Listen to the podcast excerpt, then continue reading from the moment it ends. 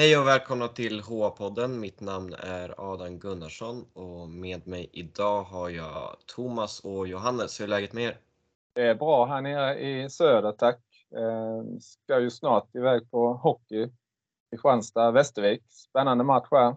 Får se. Så att eh, jag kan vara med lite drygt två timmar här. Yes.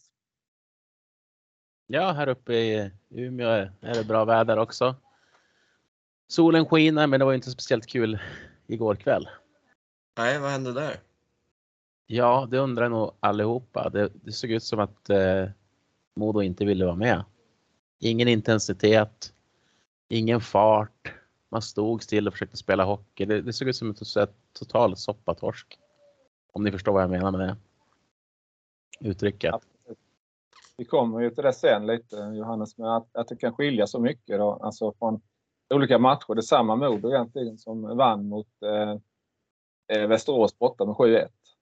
Absolut, och då gjorde ju för sig kanske Västerås inte en speciellt bra insats heller. Men det är ju det, man ska ju som prestera match efter match efter match och vissa matcher så gör man inte det. Men just i mötena mot Löven, då måste man, om man bara kika på hur, hur det var i fjol också. Det var ju väldigt stora siffror åt båda håll. Det, det är en väldigt konstig matchserie. Ja, det, det, är märkligt att, att eh, det är precis som att får man några mål eh, i underläge sen så eh, får man kanske inte att man ska komma ikapp eller, eller vad det nu är. I en finalserie kan det vara så att man kanske lägger krutet på nästa match. Men här är det väl lite att visa liksom vem som är bäst i norr om man säger så. Lite, lite prestige är det väl ändå? Ja, absolut. Det tycker jag. Vi lär väl komma tillbaka lite mer till Modo sen, men nu har de flesta lagen spelat fem eller sex matcher. Jag tror AIK ligger på fyra fortfarande. Tycker ni att man kan dra några växlar av de här matcherna? Eller hur stora relativt hur små? Man kan ju ändå se som trender, alltså på det sättet om spelet sitter eller inte i olika lag. Ehm. Sånt kan man ju se. Och om man har ett dåligt boxplay eller powerplay. Ja, men Modo har ju jättedåligt boxplay eh, och har haft det hela säsongen och verkar inte kunna få till det. Än i alla fall. Då lär det dra några matcher till innan det är åtgärdat. Men sen vet jag inte, jag har inte sett alla lag än och det får ni kanske har sett andra lag.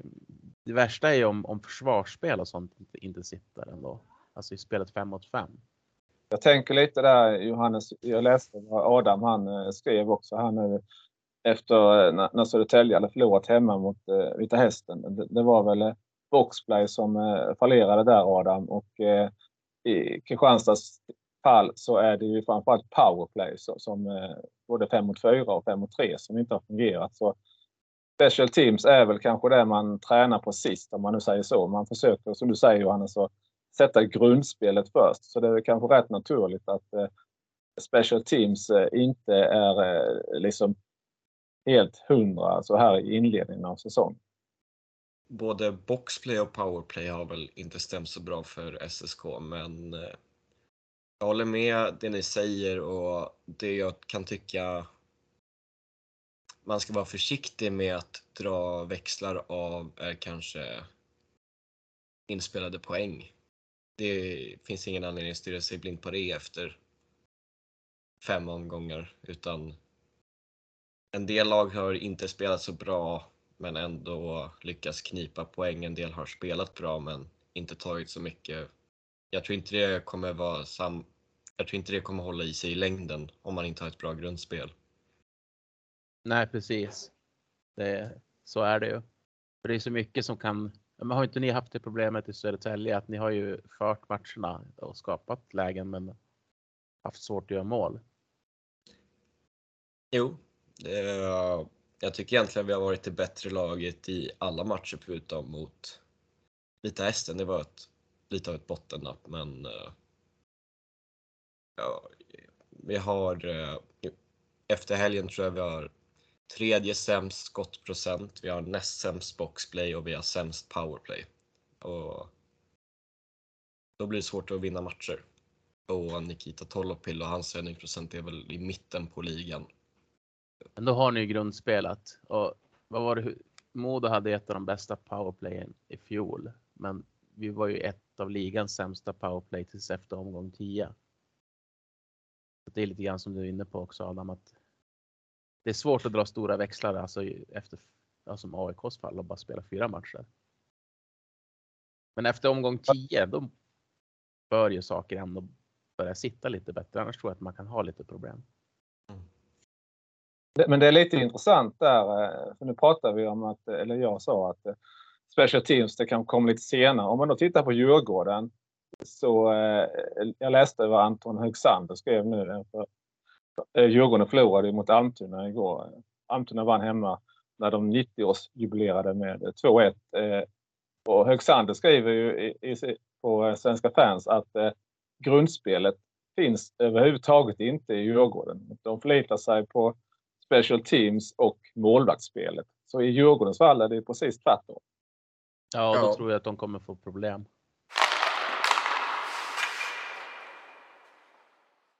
Vi kanske kommer in på Djurgården snart för du hade några flerdelade frågor för podden ser jag Johannes. Eller en flerdelad fråga. Ja. Vill ni ta den nu eller? Ja, det är kanske är bättre om du tar över lite för det segmentet eftersom jag tog dem mest bara för att... Oj. Vart Ludde ivrig. Jag ska leda det här. Eh, jag tog dem för att det kommer involvera ganska många lag. Frågan är egentligen vilka lag från toppen har presterat som vi förväntas och förväntat oss. Vilka förväntade topplag har inte presterat? Och vilka förväntade bottenlag har presterat bättre än vad vi trodde? Är det någon av er mm. som känner för att dra iväg på på det där? Um, ja. Den är ju lite lurig den här frågan för den kanske skulle passa bättre igen egentligen efter tio omgångar. Den är lite tidig nu. Ja, alltså presterat enligt förväntan i toppen. Eh, eh, om vi kan väl börja med Modo har ju spelat in en del poäng. Jag har inte sett Modo en enda gång så eh, det kanske är bättre om du hade sagt det, men eh, jag var ju lite kritisk mot dem, men jag vill ju samtidigt ändå poängtera att jag hade er topp 4 så det stämmer väl hittills. Och sen eh, Ja, jag tycker, jag hade SSK också topp 4 och jag tycker att eh, det ser väldigt bra ut i 5 mot 5, alltså Corsi, Fenwick och avslut i skottsektorn, alltså allt är det topp 2 i ligan. Så det är mycket special team som fallerar och jag tycker ändå att man har materialet för att rätta till det under säsongen. Vilka förväntade topplag har inte presterat?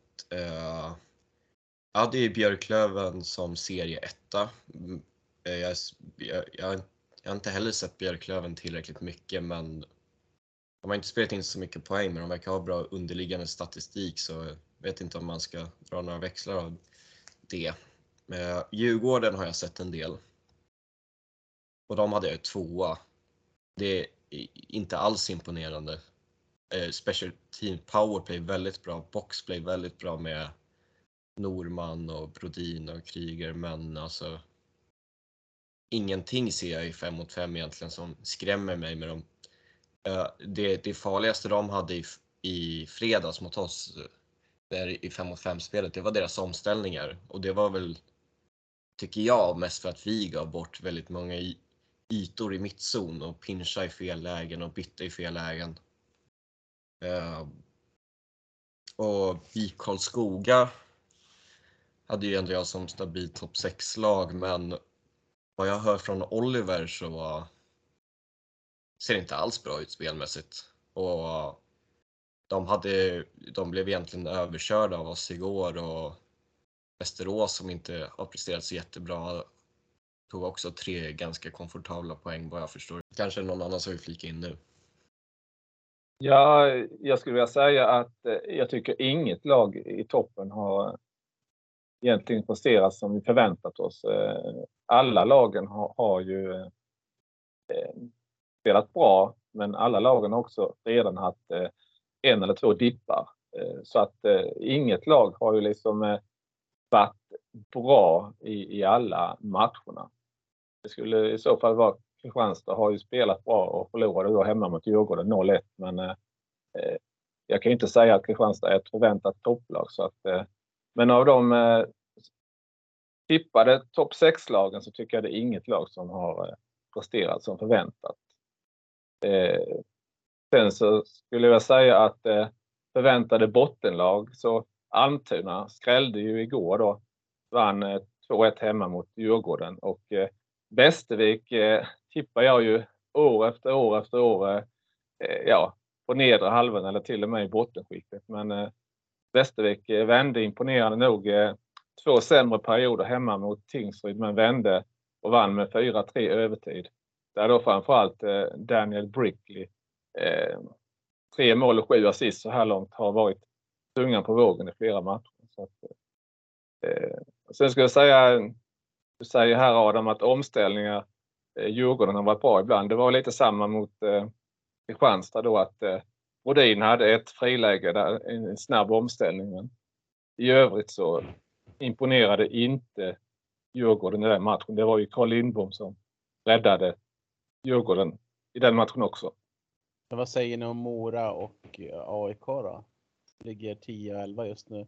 AIK i och för sig två matcher mindre spelade. Vinner de på 6 poäng, då ligger de på 11 poäng uppe i topp 4. Eh, det är väldigt tajt så, men Eh, Mora har ju spelat fem matcher och tagit sex poäng.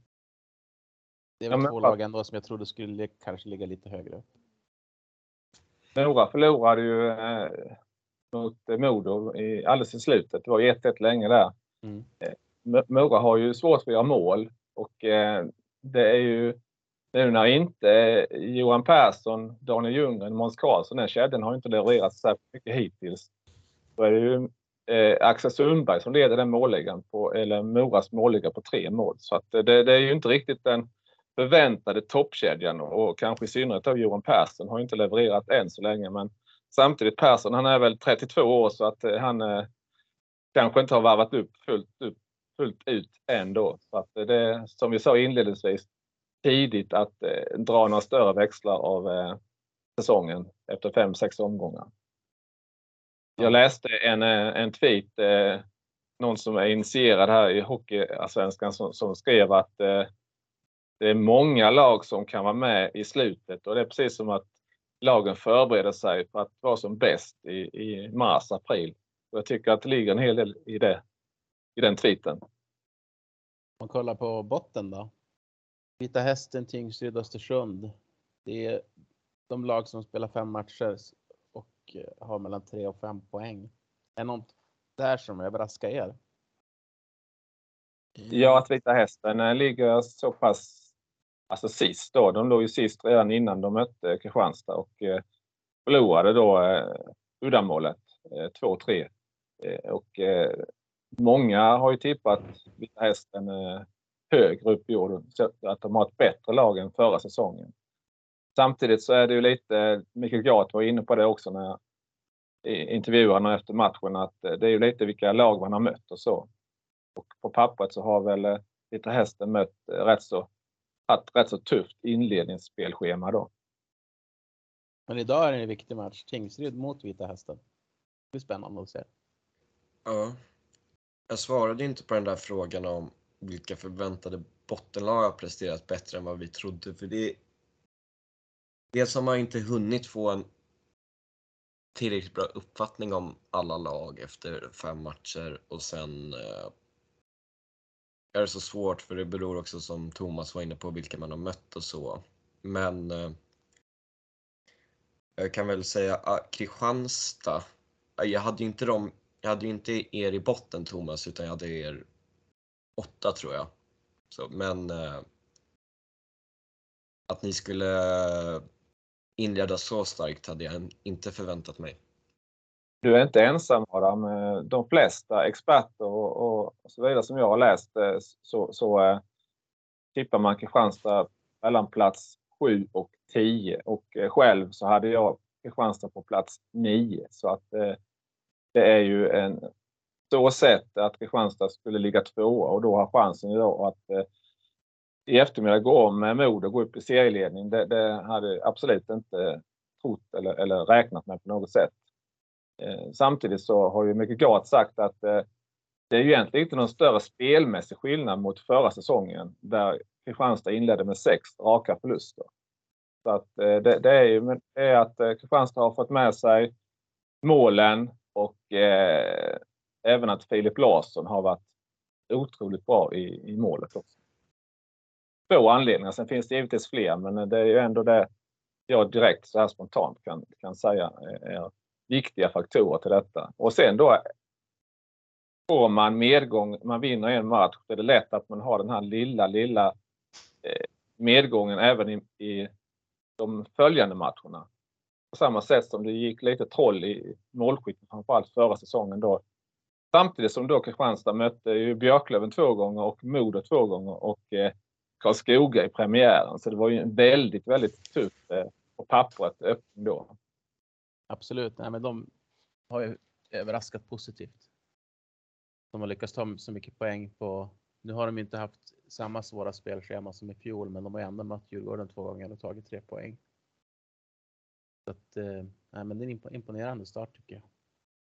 Sen apropå Djurgården kan man väl säga att det, det kanske är, är inom citat lättare att möta Djurgården nu för att eh, nu läste jag att eh, Cameron Schilling, han ska väl komma in nu och spela eh, typ i nästa vecka och eh, sen så kommer ju Stefan Elliot komma in här i 1 november.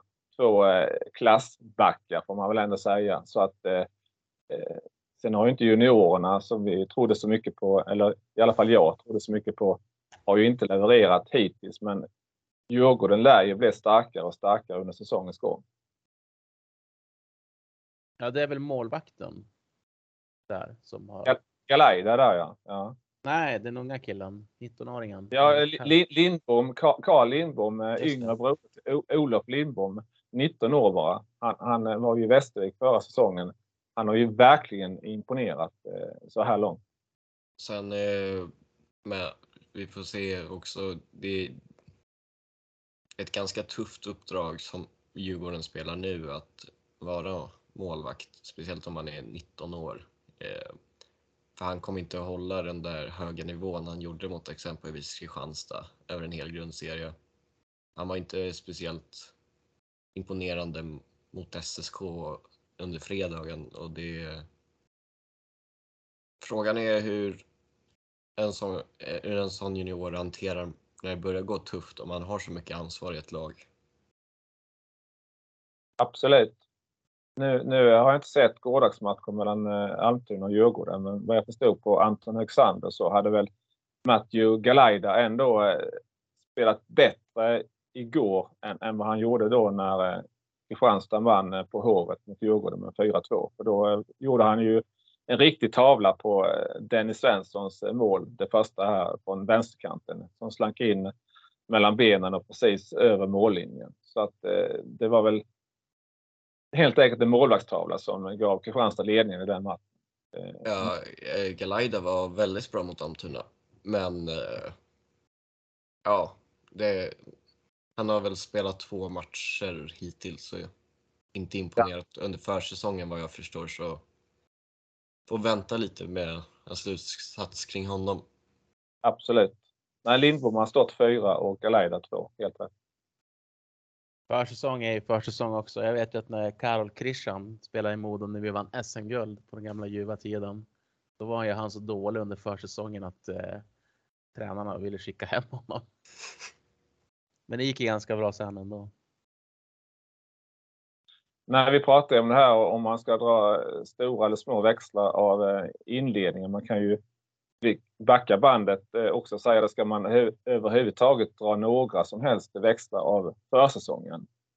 För I så fall så, vi kommer till det sen Adam, men i så fall så var det ju flera SSK-anfallare som förväntades göra mycket mål, som även levererade mycket mål under försäsongen. Men det har ju gått lite sämre nu här i inledningen av eh, Hockeyallsvenska spelet där då Jakob, Jakob Dahlström eh, en, får man väl ändå säga, överraskning att han gjorde tre mål igår då. Klev fram istället.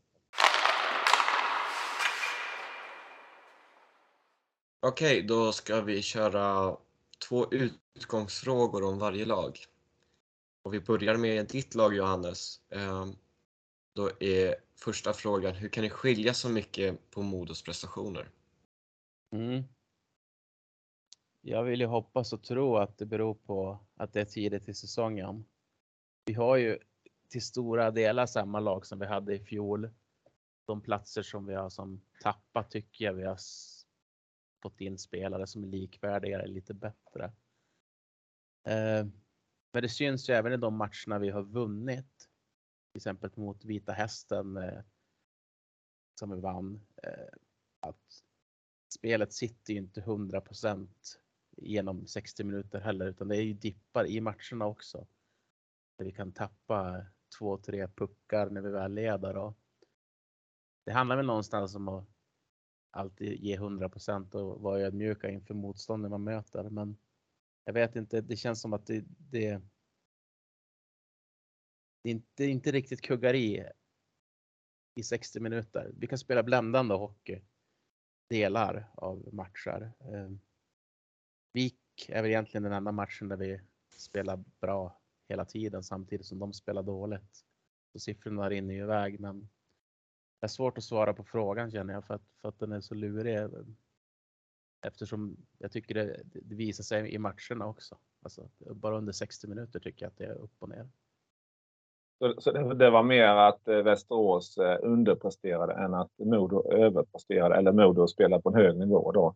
När, det, när eh, Modo var med 7-1 borta mot Västerås.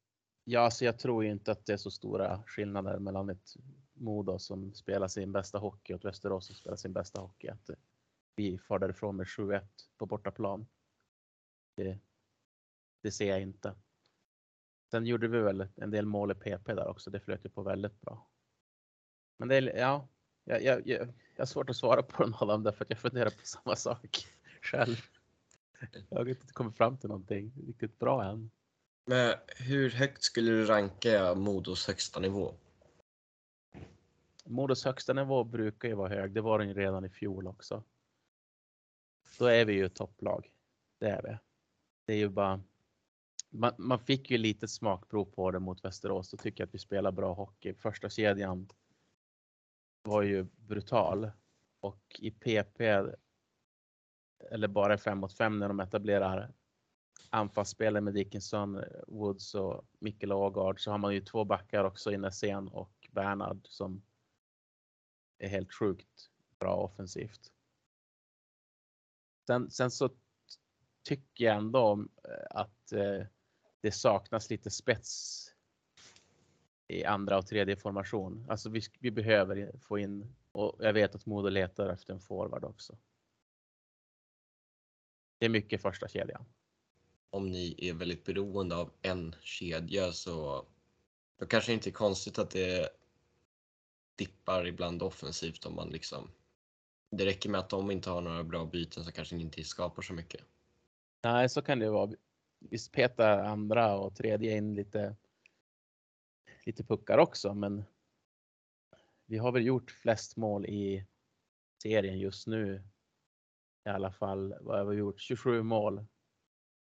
På sex matcher. Men jag skulle nog tänka mig att nästan hälften av de målen kommer från första. Det är mera, jag tycker ändå det är mera som.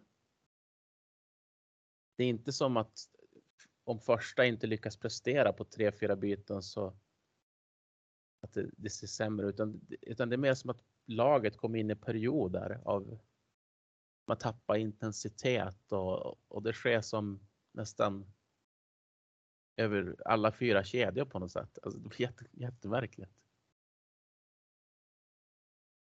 Då kan man säga eh, som så Johannes att första kedjan och första backparet, om man tittar i poängligan i alla fall så, så både Pontus Näsén och David Bernhardt är ju högt, högt upp också där så att det är bara en, en om man nu sätter, säger en, en första femma eh, så, så, eh, är det ju den som har levererat, eh, som du säger, hälften av målen då. Nästan. Ja, det låter rimligt. Jag har inte räknat själv utan jag bara tar utifrån vad jag lite snabbräkning i huvudet så där, utifrån matcherna man har sett. Ja. Sen blev det ju också så tidigt på säsongen. Nu, nu vann väl Modo med, med 7-3 borta mot eh, eh, Östersund var det väl. Eh, då, då blev det ju att, att man... Eh, Nej, Björklöven var det. Vi har inte mött Östersund än. nej, det- nej, förlåt, nu blandar jag ihop det. Nej, men det, ni gjorde my- mycket mål i en match eh, och då, då levererade väl eh, inte minst Woods eh, som då ligger tvåa i poängligan en del poäng och eh, Bernhardt också. Så att eh, det, gör man mycket mål i en match så, så blir det ju lätt att man eh, kommer hamna högt upp i poängligan eh, direkt då. Ja, sen tror väl jag att när vi summerar säsongen också så kommer de ligga högt upp i poängligan. Ja. Så att det är nog ingen tillfällighet där att det är just Bernhard och Nässén och Woods som ligger högt upp. Nej Adam, jag får Mm. Ge mig fem omgångar till så får jag fundera mer på den där.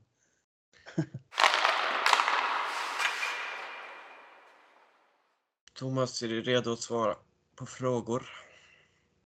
Absolut. Tror du att eh, KIKs framfart i inledningen kommer hålla i sig hela säsongen? Alltså Kristianstad ligger ju som jag sa innan eh, tvåa just nu och eh, har om man tar en poäng i eftermiddag chans att gå upp i serieledning efter sex omgångar. Men eh, som Johannes säger, det, det är bara inledningen av säsongen och ge mig minst fem omgångar till innan jag kan svara på denna frågan. För, för det, det är eh, väldigt tidigt och eh, sia och det är 52 omgångar som ska spelas. Så att eh, kan vi bara konstatera att eh, det är mycket som ser bra ut i, i Kristianstad och eh, för, tredje säsongen i rad så- ser det ut som att Joel Gistet har eh, eh, får fram eh, minst en eh, målvakt av högsta hockeyallsvenska kaliber då. Det var ju Kalle Klang 2021 och Fredrik Dischow 21-22 och nu har ju Filip Larsson inlett strålande och det är klart att det är ju jätteviktigt att ha en säker utpost längst där bak. Eh, men jag väljer ändå att eh, svara lite försiktigt optimistisk på den frågan. Som sagt, jag hade Kristianstad som nia och jag, jag kan väl, eh, ja, de ska ju kunna komma högre än där men eh, att Kristianstad ska vara i toppen, det, det, den passar jag på tills vidare. Du ska inte dra igång eh, nya topp 6-båtar medan du har chansen. Nej, jag såg att Oliver han drog igång den han är under försäsongen. Så att, eh, men nej, jag drar inte igång någon topp 6-båt. Oliver Wåhlén var det i Karlskoga som, som eh, skrev det. Att eh, Kristianstad kommer nog i den i år igen. Vi får se. Ja, men om man tittar på målvakterna som du var inne på. Eh, hur har, vad heter den där norrmannen? Jörgen Hanneborg. Ja, ja, han presterat.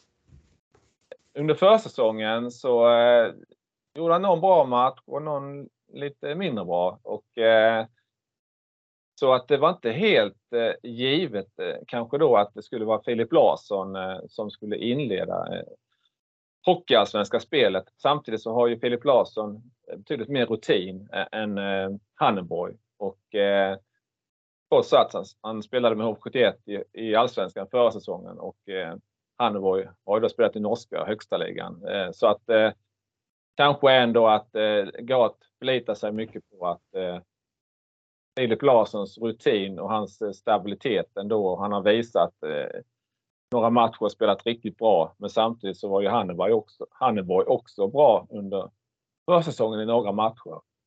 Men när nu eh, Gat satsade på Filip Larsson i första matchen, sen har det liksom eh, ja, det har ju gått så pass bra både för Kristianstad och eh, Filip Larsson så att eh, jag var lite inne på om, om han kanske skulle ändra, eh, byta målvakt efter två matcher. När, det, när då Kristianstad åkte direkt från eh, Stockholm eh, efter seger med 4-2 där och skulle möta Mora två dagar senare.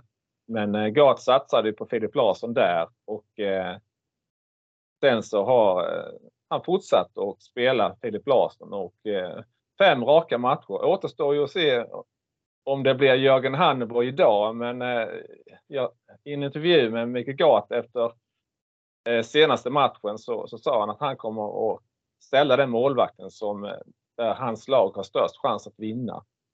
Och eh, jag tolkar ju det som att så länge Filip Larsson spelar så pass bra som han gör nu så, så kommer han att få stå i mål. Med passusen då att eh, när matcherna kommer tätt och det är kanske långa bortaturnéer och man ligger iväg och, och eh, som sagt tätt spelschema och så hinner man eh, så att säga återhämta sig. Det är ju den, där kommer ju den fysiska och även mentala eh, delen in då. Men om, om bara Filip Larsson är fit for fight och känner sig fräsch och eh, mentalt eh, liksom påkopplad igen, då tror jag han kommer att fortsätta stå så länge han levererar på den höga nivån som han gjort hittills. Jag måste ju ändå fråga. Ni har ju tagit in en del spelare som många inte känner till. Vilka är det som har stått ut mest inledningsvis? Alltså jag måste säga att eh, fjärdekedjan har imponerat mest på mig. Med, eh, nu tappade Kristianstad eh, Herman Hansson till HV71 och därmed så splittras ju en av eh, Hockeyallsvenskans absolut eh, bästa boxplaypar, Malte Sjögren, eh, Herman Hansson.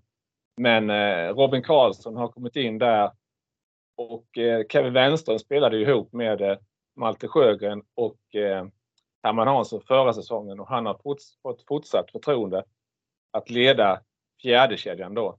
Och den trion tycker jag har varit mycket, mycket bra under de inledande fem matcherna.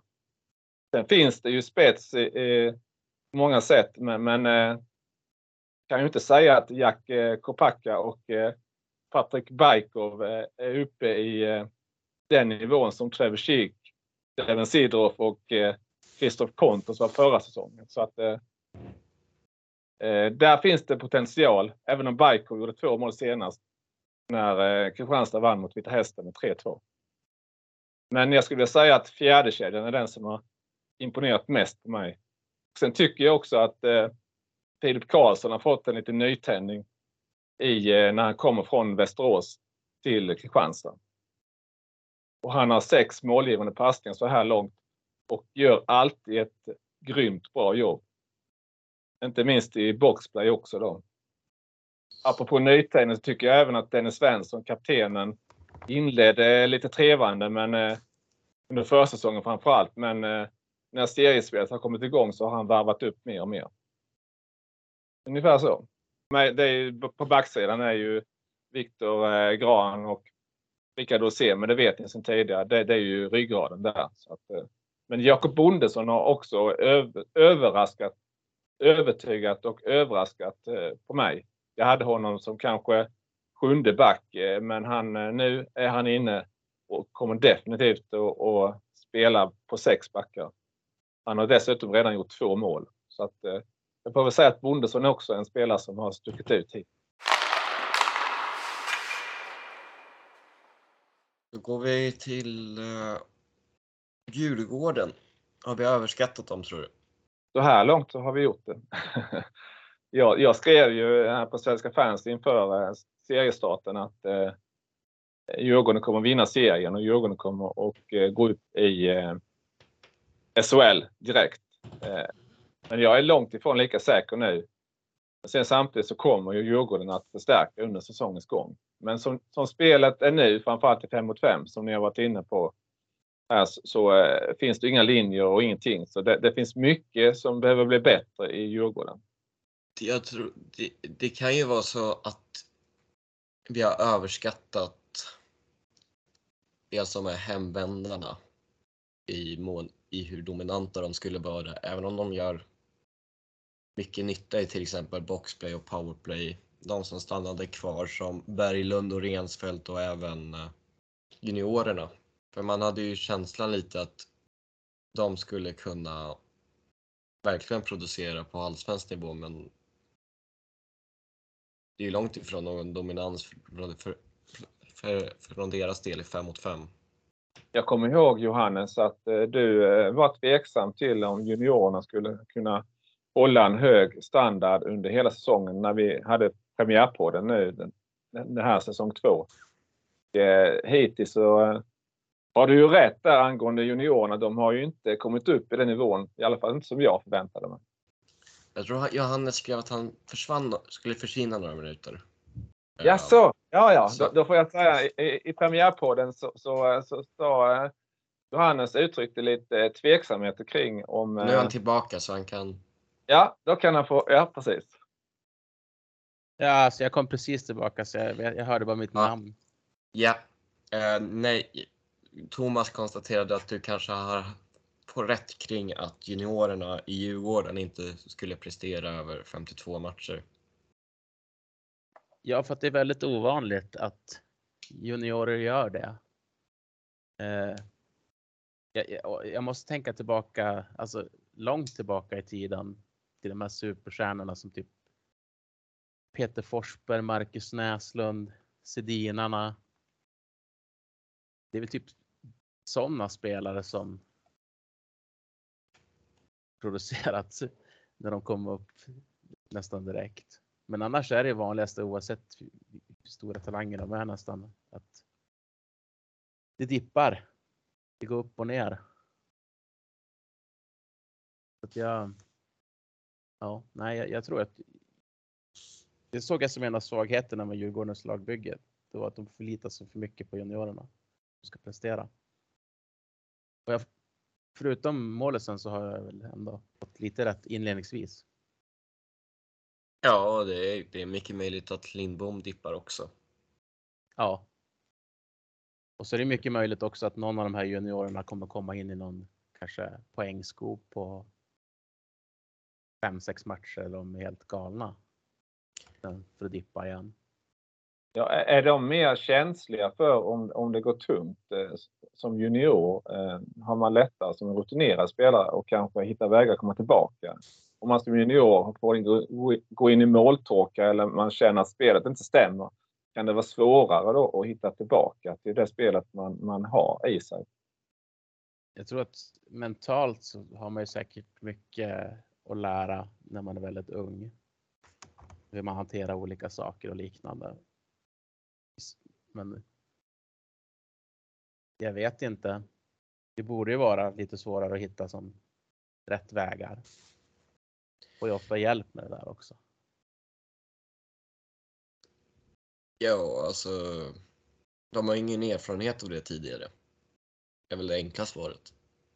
Så ligger säkert något i det. Och sen är det lite Hockeyallsvenskan som liga signifikativ signifikativt för att det går väldigt upp och ner och spelare har svårt att hitta en jämnhet. Eh, det är väl därför många fastnar i, den här ligan och inte tar sig uppåt i seriesystemet fast man producerar någorlunda stabilt år ut och år in. Djurgården har ju två backar som på ingång. Eh, Cameron Schilling ska göra sin första match på onsdag mot Västervik. Stefan Elliot kommer i november. Är, är, det garanti att det här kommer vara klassbackar på allsvensk nivå och är det tillräckligt för att för, förändra 5 mot 5 spelet helt och hållet eller måste mer hända? Stefan Elliot borde väl vara en, en klassback på, på hockeyallsvensk nivå. Han spelade ju i SHL så sent som förra säsongen med, med Frölunda. Och om vi backar bandet fyra säsonger så, så eh, spelade han ju eh, i olympiskt eh, spel med, med Kanada. Så att, eh, och han är ju inte lastgammal heller så att eh, det, det känns ju som att Stefan Elliot eh, absolut kommer att göra skillnad för eh, Djurgården på, i en svensk eh, andra liga. Eh, Cameron Schilling har, har jag ingen eh, sån så jag kan referens till. Men, men eh, Elliot tror jag definitivt. Eh, sen är det lite intressant för en spelare som ändå har sett rätt så pigg ut. Det är ju Kevin Karlsson som kom från eh, Troja och eh, han har fått väldigt mycket speltid. Eh, hans eh, speltid kommer kanske att minska mm, rätt så kraftigt. Eventuellt då när Stefan Elliot kommer in och eh, ska spela. Han är ju en offensiv spelare precis som Kevin Karlsson är. Så att, eh, det blir intressant lite att se där hur hierarkin förändras när, när det kommer in två backar nu och sen har ju Johan Alm precis kommit in också i Djurgården. Och och direkt fått mycket speltid. Ja, det är klart det kommer bli lyft för dem. Eh, men jag tror inte att, även om det är två bra backar, så tror jag inte att det kommer påverka alltså, grundspelet så mycket. Alltså de får fler vapen, de får fler stabila backar. Ehm, de kommer kunna använda sig boxplay, powerplay, kunna möta, matcha de bästa i andra lag och så har de ju mycket erfarenhet. Men det löser ju som inte problemet. Nu har inte jag sett Djurgården så mycket så att om det är så att de har problem med spelet överhuvudtaget. Du var inne på någonting där Adam, lät det som i någon fråga, att det skulle påverka hela spelet. Att det skulle se bättre ut, det är svårt att tro. Men är det en tränarfråga då? Eh, att eh, försöka få lite linjer i spelet? För eh, jag följer ju Anton Högsander då som skriver om Djurgården på Svenska fans och enligt, enligt Högsander så är det ju obefintligt med grundspel och linjer i spelet. Ja, det kan ju också vara så att vi har överskattat Stoppels lagbygge. Generellt. Fast så kan det vara, men saknas det linjer i grundspelet då, då är det problem. Då, eh, då är det nästan, alltså då är det svårt nästan oavsett vilka spelare du har och få det att se bra ut. Jo, men jag menar alltså om det är ett felbygge så kan det vara väldigt svårt för en tränare att få ihop det också. Alltså, men ja, ja. Eh, vi hade ju faktiskt fått en lyssnarfråga från en kompis till mig som håller på Djurgården. Jag vet inte vad som gick fel med honom, men eh, han undrar vad vi har för tankar kring Fagervall som tränare. Han var ju väldigt uppskattad eh, uppe i, i Björklöven. Och sen lämnade han Björklöven för att eh, ta över Malmö i SHL. Men där fick han ju inte vara kvar. Han fick sparken helt enkelt. Och eh, kom då in i Djurgården förra säsongen. Eh, så att eh, Ja, som sagt, han är hyllad i, i Björklöven. Och, och men eh, frågan är ju, är han rätt ledare för, för Djurgården? Ja, hyllad i, rätta mig om jag har fel, men innan Per Kente, var det så självklart att han skulle få vara kvar då? Jag vet inte, jag har bara lite Björklöven vänner som jag följer på Twitter och då har jag förstått att de vill ju gärna ha tillbaka eh, då innan det blev klart med, med Stråle. Eh, att eh, det var ju synd att kanske Fagervall precis då hade blivit klar för Djurgården. Att, men så blev det ju lyckat, väldigt lyckat med det när Stråle kom in. Men just i den vevan där så att när Wallson inte riktigt fick det att stämma med, med Björklöven. Att, Fagervall eh, upplevde jag det i alla fall. De tongångar jag fick via Twitter och så att eh, Fagervall hade varit välkommen tillbaka till Björklund i det läget när det, när det kärvade lite. Någon lövare får gärna rätta mig om jag har fel, men om jag kommer ihåg det rätt så hade Björklöven det väldigt tungt innan Per Kente och när han tog över så hade Fagervall ett år kvar på kontraktet. Och det var väldigt tudelat ifall han skulle fullfölja det eller inte. Eh, sen fick han förtroende från Kente och uppfattningen ändrades ganska snabbt. Eh, jag tror att du har rätt då, va? men jag känner igen det där. Jag, jag, ska, jag, ska inte, jag får ligga lågt. vi, vi, får helt enkelt kolla, kolla upp det med någon Björklöven-kännare hur, hur det verkligen ligger till. Men det, det, är mycket möjligt att det är så som nu när du blir uppbackad av Johannes här med. Nej, men jag tror att, att ni är rätt båda två. Alltså, jag tror också att eh, Lövenfansen vill ha tillbaka Fagervall i, i samband med att Stråle kommer in. Eh, men jag för mig också att det var vissa frågetecken och tveksamheter kring honom. Ja, absolut. Eh, jag ser inte att Thomas hade fel, men det är mer.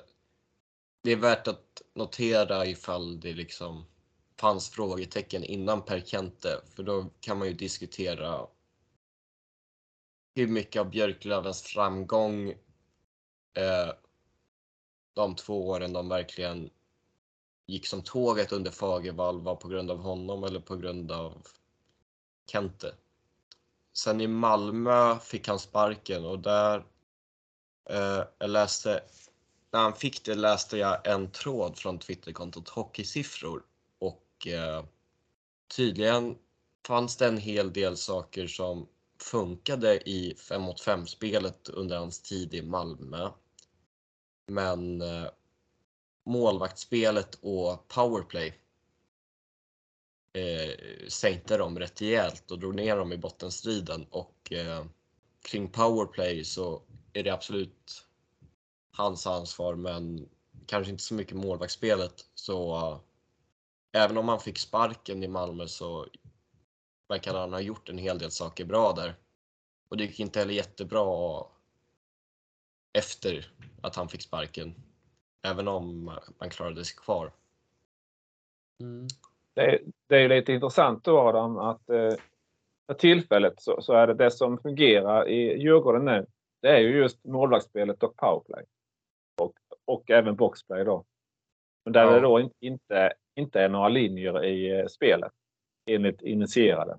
Samtidigt så är det som vi har sagt, det är bara Djurgården har spelat sex matcher i Hockeyallsvenskan. Det, det, är väldigt tidigt att eh, eh säga hit eller dit om eh, Fagervalls eh, kvalika, kvalifikationer om han är rätt man att eh, föra tillbaka Djurgården till eh, SHL. Så att, eh, ja. Alltså, om man tittar på mycket vad han har presterat så om jag inte tänker på inledningen i Djurgården, alltså det går ju inte annat än att säga att det är absolut en man som ska ha ett jobb på minst hockeyallsvensk nivå. Alltså, det, det verkar vara en kompetent tränare.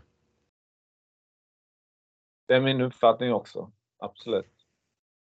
Och han skönmålar ingenting heller. Jag kommer ihåg eh, e-, efter den matchen. Eh, eh, det var när Kristianstad vann uppe i Stockholm. Eh, 4-2 sista målet i tom kasse. Eh, så, så sa han att Kristianstad förtjänade att vinna. Eh, Djurgården förtjänade inte att göra mer än de två målen de gjorde. Så att det, det var en rättvis seger för, för Kristianstad. Så, så att han, är ju inte den som, utan han kan liksom se att mitt lag behöver eh, bli bättre och, i, på vissa områden och så vidare. Så att, och han eh, går väl inte heller kanske då och, och eh, håller igen och om det är någonting. Utan, är det någonting som är fel så försöker han ju klart få till en förändring. Så att, och i Malmö som vi pratade om, där, där var det ju riktigt tufft. Så att det, men som du sa Adam, det var säkert saker som då fungerade. Men, men har man problem med så pass stora delar som man är så pass matchavgörande som om man har en bra målvakt och eh, om man har ett powerplay som fungerar, då, då är det svårt att eh, få poäng i en så pass tuff liga som eh, SHL. Eh. Så att, eh, ja. Vi, vi, får följa det här lite grann, den här lyssnarfrågan, därför att det är som sagt var det är ganska tidigt i säsongen och men samtidigt så är det ju lite, alltså. Jag tycker det är väldigt märkligt ändå med den truppen de har, att de inte har lyckats sätta linjerna än. Mm. Det, det, det måste jag ändå säga. Ja. Det, det, är inte läge att dra några växlar nu för det kan liksom vara om tio omgångar börjar allt sitta mycket bättre för dem men eh, jag kommer fundera på både vad jag tycker om Fagervall men även Stoppel som sportchef. Eh, för, alltså de här kontraktsförlängningarna och eh, att han har fått hem hemvändare ska han ha cred för, men det är ändå på något sätt lite självklart att man ja, skulle jaga dem. Men jag tänker på de andra värvningarna.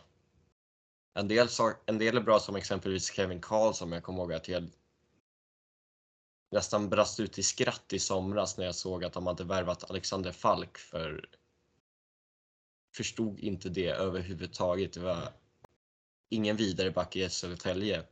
Men eh, ja, vi, vi får se. En, en liten inblick där Adam är, är ju då att eh, nu, nu, har Johan Alm kommit in på backsidan och eh, nu som du sa så kommer Cameron Schilling och eh, debutera förmodligen då på onsdag och eh, 1 november så kommer Stefan Elliot in. Så att eh, Alexander Falk, kanske hans plats kanske försvinner. Yes. Men eh, vi går vidare va? Ja. Ja. Jag tänker, alltså, vi, vi kommer inte hinna gå igenom. Vi har gått igenom tre lag. Uh, Ja, det känns alltså, det har gått en timma. men, alltså, hur, vad säger, ska vi, hur, hur många till ska vi köra? Vi kör tre till eller något sånt där kanske. Vi, vi kan väl se lite hur, hur eh, tiden är en landar. timma till. Ja, nej, men vi tar ett lag till i alla fall då. Ska vi ta Södertälje eftersom du, du nu eller, eller har du något annat förslag Adam? Ja, varsågod. Uh, du, ja, är det något ni undrar? Ja, alltså jag, jag, jag följde ju Södertälje under eh, försäsongen och eh, om man då ser hur det gick, det var ju, eh, följer ju då delvis via Twitter och även då lite eh, vad man skriver och så på Svenska fans eh, sida om Södertälje och det var ju väldigt eh, mycket, det är klart, nu var det ju väldigt eh, mörkt eh, 2021-22 för SSKs del där man då säkrade platsen, den fortsatta platsen i Hockeyallsvenskan. Först i en playout mot Troja då. Eh, men en försäsong som gav mycket positivt. Inte minst så var det ju spelare som levererade. Spelare som, som eh, säkert SSK-ledningen förväntade sig skulle leverera mål då. Eh, Jag tänker på nyförvärv som eh, Krastenberg och Kassels och, och eh, Luciani och, och eh, Albert Sjöberg visade ju redan under försäsongen att han hade han var ju bra redan under förra säsongen att han eh, kommit igång bra tidigt. Eh, men eh, nu i eh, Hockeyallsvenska spelet så har ju nämnda spelare inte alls levererat och sen har ju Linus Udell, han har ju varit skadad nu senast. Men Jakob Dahlström kliver då in och gör tre mål senast när Södertälje vinner mot Karlskoga med 5-2. Så det är lite förvånande där Adam att hur kan det vara så stor skillnad? Eh, tidigt på säsongen men de spelarna som levererade mycket under försäsongen mål då, eh, de har inte alls kommit till sin rätt här nu under inledningen av Hockeyallsvenska spel. Alltså, ja. Det, det känns lite överdrivet kanske, men... eh, Ja, ja förlåt. Men om... Får jag börja med att bara hylla Jakob Dahlström, fyra mål i helgen. Alltså han, har, han har inget spelsinne. Han, kan, han, han är snabbast i ligan och väntar aldrig in sina medspelare. Men fan vad han sliter och har ett jävla vasst handledsskott. Eh, jag bara älskar honom. Men, okej, så svar på... Eh, Det, var, lite hårt ändå. Han har inget spel. Ja, ja, ja, ja, jag, måste, jag, jag, måste, jag, måste, jag måste ju provocera Adam lite här ju. Så. Ja, men det var fem spelare du nämnde. Cassels, Krasten, Luciani, Sjöberg och Widell. Eh, Ja. Om vi börjar... Vi börjar med Sjöberg. Det är väl lite, jag har varit inne på tidigare, det, det kan dippa lite för juniorer ibland. Jag är inte orolig för Sjöberg. Eh, sen tycker inte jag att det är att han har spelat dåligt utan han är väldigt het, han gör mycket saker, han har goda intentioner men han kanske är lite för het ibland. i- Eh, det är inte så kylig i alla avslut kanske. Det är en del lägen han kanske inte bör skjuta men eh, det är liksom, lossnar det så kan det lossna rejält. Jag, man såg förra säsongen att det kan vara en toppspelare på allsvensk nivå. Eh, och Castles, han bra tvåvägscenter. Eh, Jag är jättenöjd med den värvningen. Det kommer komma en poäng från hans klubba. Eh, Videll eh, har ju varit skadad i tre matcher. Eh, dag till dag. Så han spelade även inte i lördags för alla djurgårdare som tror att han inte vågade spela på Hovet i fredag. Um, och, men de två matcherna han spelade, eller nej de tre matcherna han spelade, förlåt, det har varit väldigt mycket så här stolpe ut. Han har flera ramträffar, det har liksom varit hittat krysset men den har gått på målvaktsklubban. Eh, så uh, nej, jag är inte orolig för honom heller. Avgjorde också matchen mot Västervik. Sen uh, Krastenbergs och Luciani. Alltså Luciani. Han har inte varit bra. Eh, han, han gjorde en hel del poäng i matcherna mot norska lag på försäsongen. Sen gick det trögare efter det. Och eh, han var väldigt bra igår mot Karlskoga dock. Även om Karlskoga verkar vara väldigt svaga just nu. Eh, men det är där absolut. Han, eh, levererade inte halva försäsongen. Han har inte levererat tillräckligt hittills för att vara den spetsspelaren han är värvad för. Eh, så han måste höja sig. Och så har vi, eh, var det Renas Krastenbergs. Um, alltså, han gjorde mål på försäsongen. Han spelade mycket med Castles och Videll. Men jag tycker, jag poängterade det flera gånger förr, jag poängterade det under försäsongen också, att trots det var han osynlig i spelet. Han drev inte med pucken och, och skapade inte lägen på egen hand och så vidare, utan det var alltså får han bra lägen har han ett fruktansvärt skott. Uh, och sen i premiären parades han ihop med Liljevall som precis kommit, kom tillbaka från en skada då och är kanske inte den långt ifrån allsvenskans största fixstjärna och, uh, och Anthony Dociani som inte har bevisat tillräckligt hittills. Och när ingen kunde driva spelet då, då blev det kanske mer uppenbart vilka förmågor Krastenberg saknar. Och nu har de ändrat om lite i kedjorna, han har fått nya kedjekamrater från och med i fredags. Men det är klart att eh, går en sån poängspelare poänglös första fyra matcherna kanske självförtroendet påverkar lite och jag tror att om man hittar rätt kedjekamrater till honom kommer han göra en del mål. Men eh, det kanske, inledningen har kanske satt lite käppar i hjulet. Det var ett bra försvarstal Adam. Ehm, de som känner mig från eh, både Twitter och eh, Svenska fans när jag skriver, jag brukar vilja provocera ibland. Så det var lite provocerande där Adam, men eh, du, du klarar dig bra att försvara ditt SSK.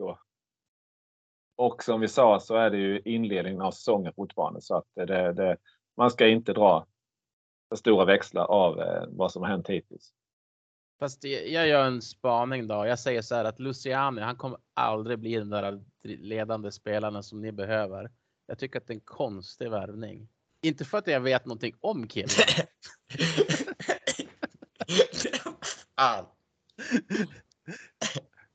men, men alltså kikar man på hans record så där, det är inte så att man tänker wow, här här har man hittat spets. Utan han har ju varit typ och harva i ligor som man knappt hört talas om? Eh, ja, det är väl ändå. Om jag inte är helt ute och cyklar så är det väl, han har väl ändå spelat i österrikiska högstligan. Ja.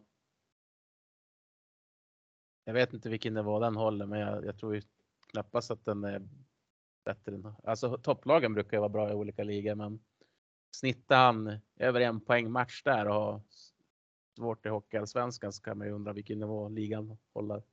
Fast i och för sig, det är bara sex matcher.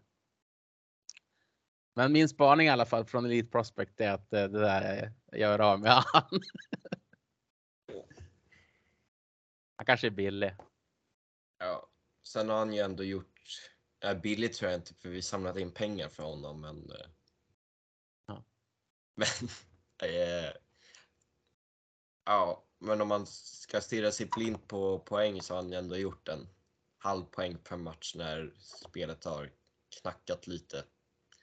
Och det såg lite bättre ut igår så kanske kommer han igång, men troligen så tror jag så får du rätt Johannes. Ja, jag har ju verkligen scoutat det här noggrant. Ja. Hur kändes inledningen för er? För jag tänker, det har gått lite tungt. Ni har ju spelat bra, eh, Mm. men ändå förlora en del matcher som när man hade en sån, säsong, en sån säsong som ni hade i fjol. Hur, hur blir det som mentalt för, för er som, tänk, alltså, som håller på SSK? Tänkte du som när ni, ja, när ni mötte Östersund och förlorade där i deras hall där att nu, fan, nu kommer det igen. Uh, alltså man har ju lite kortare stubin än vad kanske en Modo-supporter har, men efter tio år i botten i Allsvenskan. Eh, men eh, ja.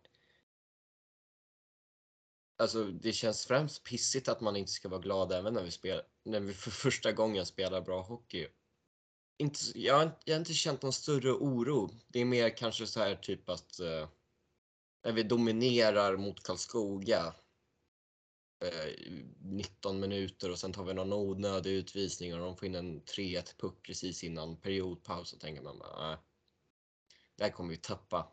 Fan, aldrig. Att vi håller undan det här. Eh, och sen när de gör 3-2 trots att vi är det klart bättre laget i andra också så nej. Det kommer inte gå och sen eh, blir man nästan chockad att vi får in en fjärde puck. Jag, jag, överlag känner jag att det är ganska stabilt. Men jag, alltså jag märker ju på SSK på sociala medier att folk är inte riktigt med på tanken att, det- att det kommer vända och att vi kommer börja vinna matcher. För det är liksom, eh, det var ju liksom kalabalik kändes det som på sociala medier efter match 1. Alltså folk var hur arga som helst och sen eh, efter, okej ah, okej vi kanske gjorde en bra match och så vinner vi nästa och så är alla glada och sen tycker folk att vi spelar bra mot Djurgården i match 3.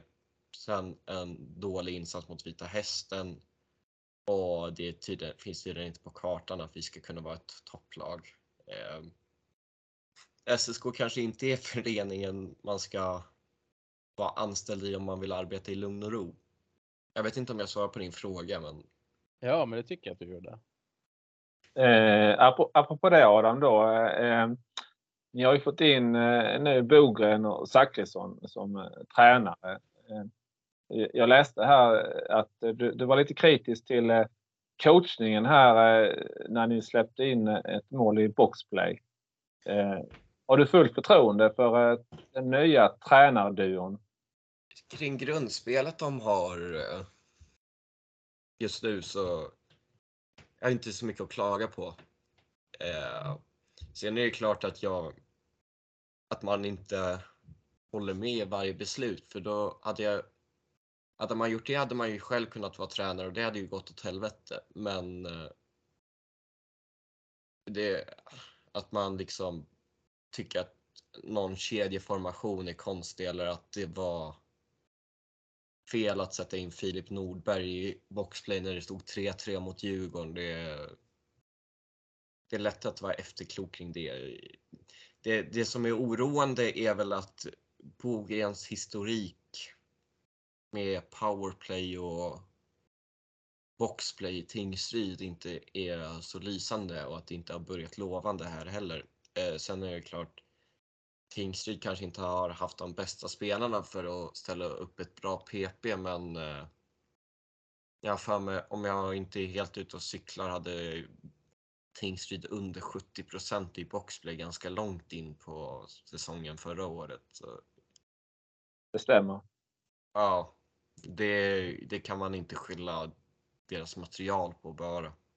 Nej, jag var lite tveksam redan, eh, så att säga, vi pratade tidigt om när, när det blev klart att Magnus Bogen skulle komma in i Södertälje, om han var rätt man för Södertälje SK. Och eh, jag är fortfarande lite tveksam till det just som du säger. Han kommer från eh, eh Tingsryd eh, med eh, lite andra förutsättningar att jobba med. I och för sig har han varit, var han i Rögle innan dess. Eh, men eh, jag är lite tveksam. Och sen då eh, Bogens kompanjon Mattias Zachrisson kommer ju då från Almtuna som inte hade någon lysande säsong heller den förra. Så, så att ja, jag sätter frågetecken kring eh, tränarduon där.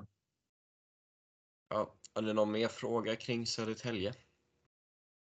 Nej, jag skulle bara vilja säga till alla SSK-fans som, som lyssnar på den här, eh, den här podden att jag har inte ätit taggtråd idag men eh, jag eh, är lite tveksam eh, kring eh, Södertälje SK. Eh, samtidigt så vill jag också säga att jag har Linus Widell som min poängkung den här säsongen. Så att, han är ju skadad just nu och som Adam sa har missat de tre senaste matcherna. Så jag tror att med Widell tillbaka så, så kan nog så får Södertälje in en eh, riktigt, riktigt bra spelare på hockeyallsvensk nivå. Och eh, nu säger jag det finns eh, potential i laget och eh, spelare som Jakob Dahlström är eh, ovärderliga att ha. Eh, Kristianstad har ju liknande spelare i Malte Sjögren. Eh, så att eh, spelaren som alltid sliter och alltid gör jobbet. Eh, eh och så dessutom nu då eh, Dahlström tre mål senast. Så att eh, det är absolut att Södertälje kan gå bra. Men som sagt, jag har lite tveksamheter kring eh, tränarduon där. Thomas, du har med en punkt på körschemat om gemensam H-line-up. Ja. Uh, om vi kan komma överens om eh, vilken målvakt som har varit bäst, bäst hittills då. Ja, AIK har spelat fyra matcher men övriga lag fem eller sex eh, matcher. Och även då det backparet som vi tycker har varit bäst så här långt. Den kedjan som vi tycker har varit bäst så här långt och eh, om vi har någon gemensam eh, extraspelare, joker, som vi kan enas om också. Det är inte helt lätt när, när vi är tre viljor men vi kan väl försöka kanske komma fram till vilka spelare som vi tycker har eh, utmärkt sig mest så här långt. Jag, jag kan väl börja att eh, på målvaktssidan skulle jag vilja, tycker jag det står mellan två eh, då. Filip Larsson, Kristianstad eller Carl Lindbom, eh, Djurgården. Eh, och eh, ja, mm. jag tycker ju att det är Larsson där då som jag har. Har, har Larsson haft någon lite svajig insats? Nej. Eh, då tar jag också Larsson för att Lindbom var rätt blek i fredags. Eh, jag litar på er. Du, du kan, få, kan få med någon back. Jag, jag eh, kör, eh, jag går ut med eh, Ja, egentligen David Bernhardt har imponerat, men samtidigt så Eh, lite tveksam insats defensivt. Han låg ju bakom ett mål här nu, kontringen när Poli spelade till Kilke senast. Men han är så pass bra i, i powerplay och så pass bra i offensiv så att jag sätter David Bernhardt på en av backplatserna. Det är svårt att inte dra in Brickley från Västervik. Ja, det är min andra. ja. Eh, jag vill bara lyfta, därför att det pratas mycket om Bernhardt när man pratar Modo och backsidan och eh, i skymundan så är ju Nässén där också. Han har lika många poäng i fjol. Han har till och med gjort ett poäng mer än ja. David i just nu. Ja. Man pratar väldigt mycket Bernhard. Man glömmer bort Nässén lite grann. Han är en väldigt duktig back. Så det är väl han jag skulle i så fall konkurrera. David Bernhard i den där uppställningen. Men absolut, jag köper Bernhard också. Vi, vi, kan, vi är kanske ense om eh, att eh, Daniel Brickley ska, ska in på den ena backplatsen. Eller? Ja. Jag tycker väl Johannes bäst lämpad att välja mellan Nässén och Bernhard. Ja, alltså efter, eftersom Bernhard får så otroligt mycket kärlek hela tiden så tar jag in Nässén då. Forwards. Eh, Mark, eh, Vela i Västervik. Ja, tycker jag.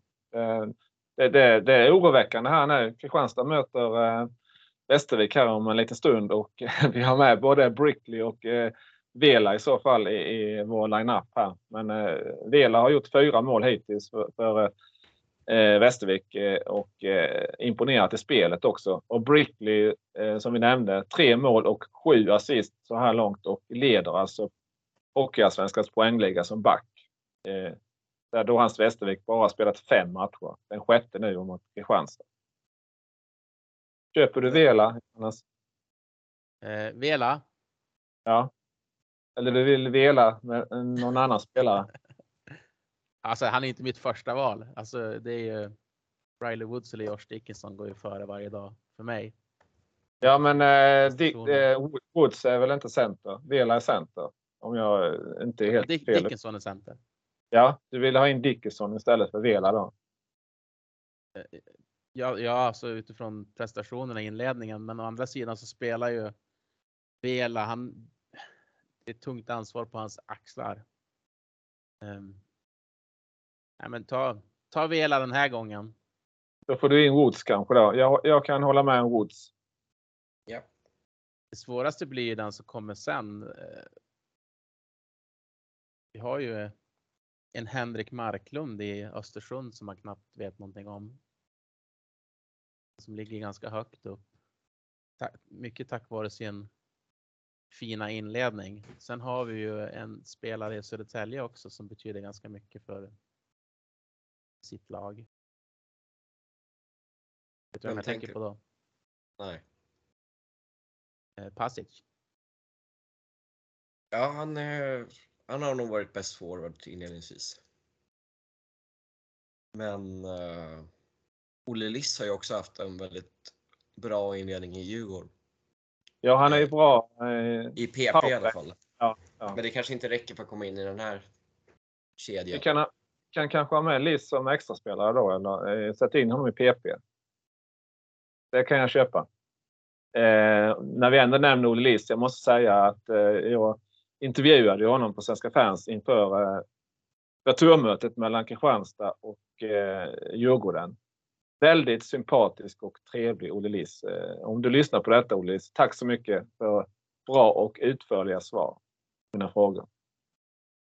Jag, jag skulle kunna tänka mig också att eh, bara för att problematisera lite grann att Olle Liss ersättare i Björklöven, Scott Poley, skulle kunna gå in och ta Liss plats. Vill du hellre ha Poli än eh, Portier? Eller Kilki? Det är många, många transatlanter som är bra i Björklöven. Ja, Kent har ju en jävla näsa för det där. Ja, är Poli den bästa av eh, transatlanter?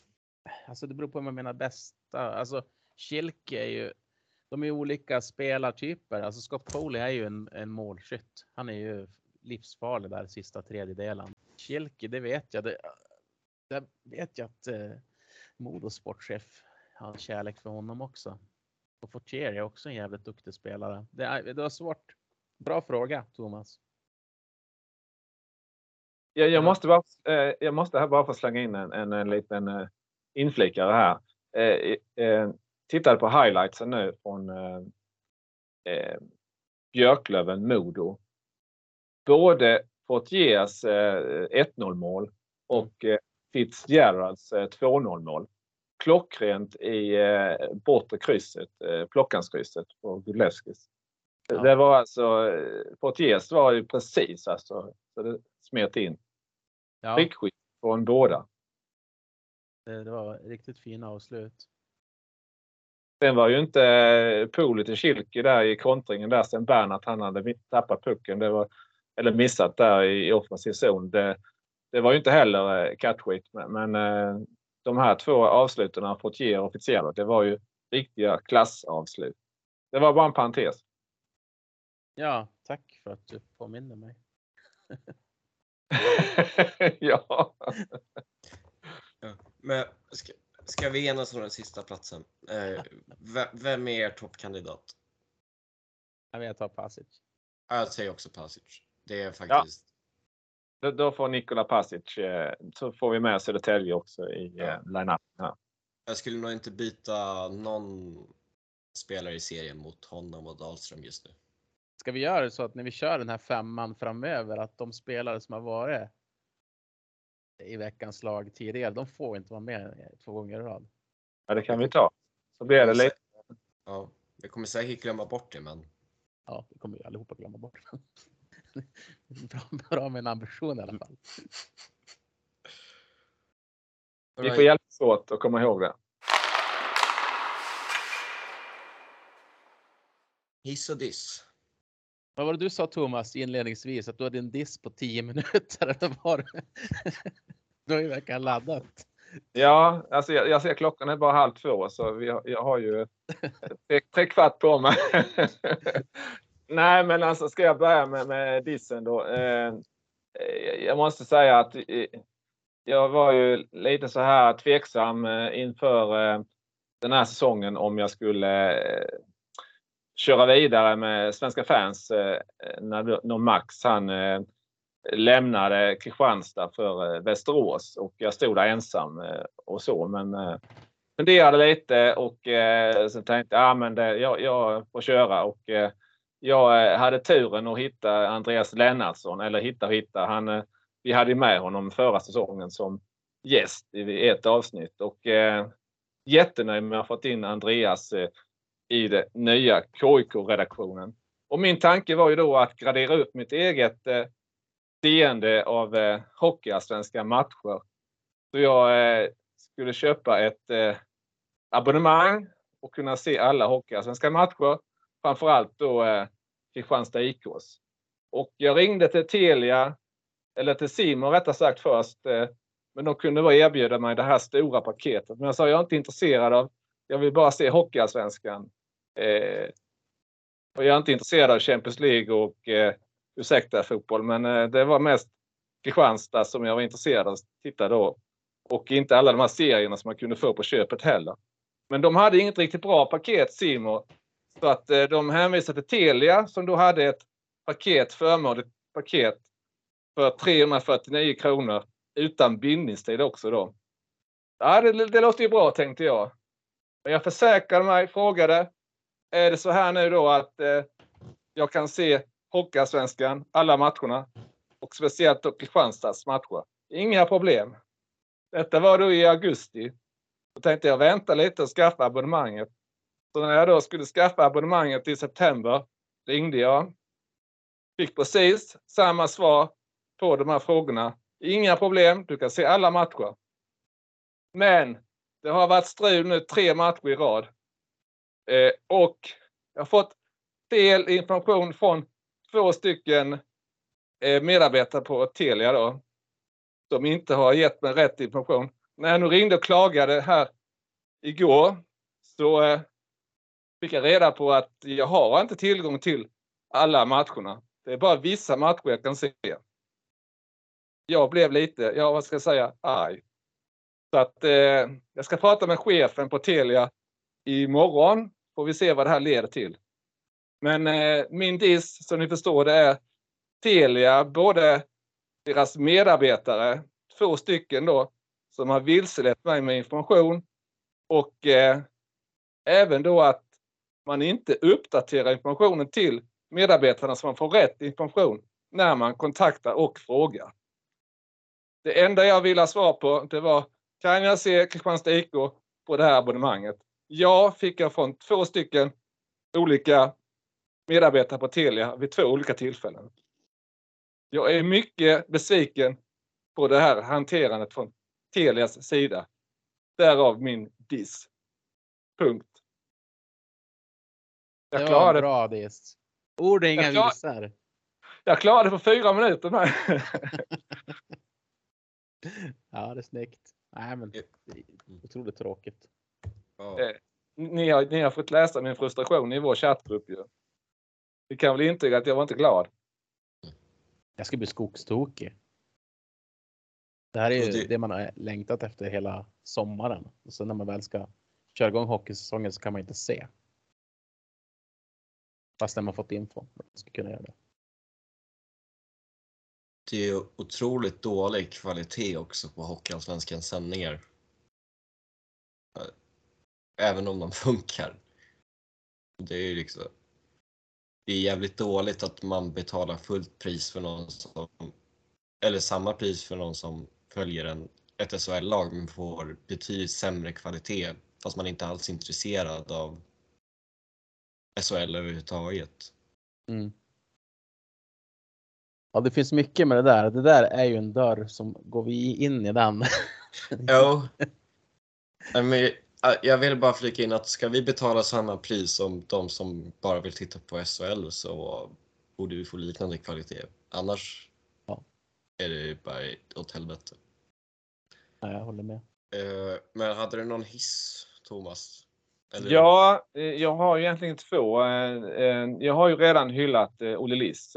Han är en jätteduktig hockeyspelare och oerhört duktig i powerplay. Och jag kan väl än en gång säga att jag uppskattar eh, Olle Liss. Eh, han, eh, jag skickade ett antal frågor till honom på DM på Twitter och han återkom reptilsnabbt med svar, utförliga svar till saken hör ju att Olle Liss spelade i Kristianstad säsongen 2014 15 men det är ju några säsonger sedan. Eh, men jag har ju, fick ju, det var ju, vi var ju många som då fick upp ögonen på Olle Liss och hans, inte minst skarpskytte i powerplay då. Så att han har varit en favoritspelare för mig genom, genom säsongerna här och eh, senast tre säsonger i Björklöven och bytte då till Djurgården inför den här säsongen. Och, eh, eh, som sagt inför returmötet då Kristianstad-Djurgården så fick jag eh, svar på mina frågor och som sagt utförliga svar med. Så tack så mycket Olle Liss. Eh, och jag vill även eh, skicka en hiss till Almtuna IS. Eh, Almtuna IS eh, fyllde eller firade 90 år igår och trevligt nog för Almtuna IS-supportrarna eh, så vann ju AIS hemma mot Djurgården med 2-1 efter straffar. Oskar Asplund eh, gjorde det avgörande målet på straff och eh, Viktor Andrén var lysande i målet för Almtunas del. Så grattis till Almtuna IS, 90 år och eh, extra grattis också till segern igår där det var, om jag minns rätt, 2400 drygt som följde matchen. Trevligt. Jävligt fint att de vann mot Djurgården. Jag tycker Olle Liss, han borde ju få hissen bara för hans hår.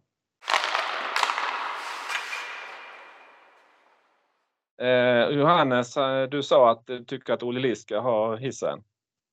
Jag sa att eh, eh det, det, är bara utifrån hans hår så kan man hissa Olle Liss. Alltså, utifrån hans hår? Ja, ja. och jag tyckte du sa svar. Ja, nej. Ja. Det skiter jag i. Här är det håret som gäller. Ja. Jag tänkte bara på det när, du, när du berättade reptilsnabbt. Jag, jag tänkte bara på Mats Zuccarello Åsen. Han ja. i NHL. Som var i Modo förut. Som när han gick från New York Rangers till eh, Minnesota. När general manager ringde upp honom. Are you like a lizard? You're a lizard Mats. Väldigt konstigt samtal. Ja. Nej, men eh, väldigt eh, trevlig och sympatisk Olle Liss, eh, måste jag säga. Du då Johannes? Och, och lika långt hår fortfarande som han hade då säsongen 2014-15 i eh, Kristianstad som han har nu då i Djurgården. Ja, det kräver sin man att bära upp håret alltså. Det, eh, ja. Ja, jag tar dissen då. För mig är det spelschemat inledningsvis. Vi hade ju en premiär och sen var vi spellediga i fem dagar. Sen spelade vi fredag, lördag och så veckan där på onsdag, fredag, lördag eller onsdag, fredag eller vad. Sen var det spelledigt igen i sex dagar och så spelade vi fredag, lördag. Jag skulle gärna vilja ha lite mer rytm i början. Med matcher som flyter på varje vecka. Så det är en liten diss för mig. Jag vill inte gå. Eh, två veckor har det ju varit sammanlagt nu i inledningen när det inte har varit någon match. Ja, AIK har exempelvis inte haft någon match den här veckan. Ja, nej men det är så dåligt. Och, och sen eh, samma sak som i fjol. Jag ska inte ha lika lång rant om det, men alltså ordningen man möter lagen i är helt skruvad.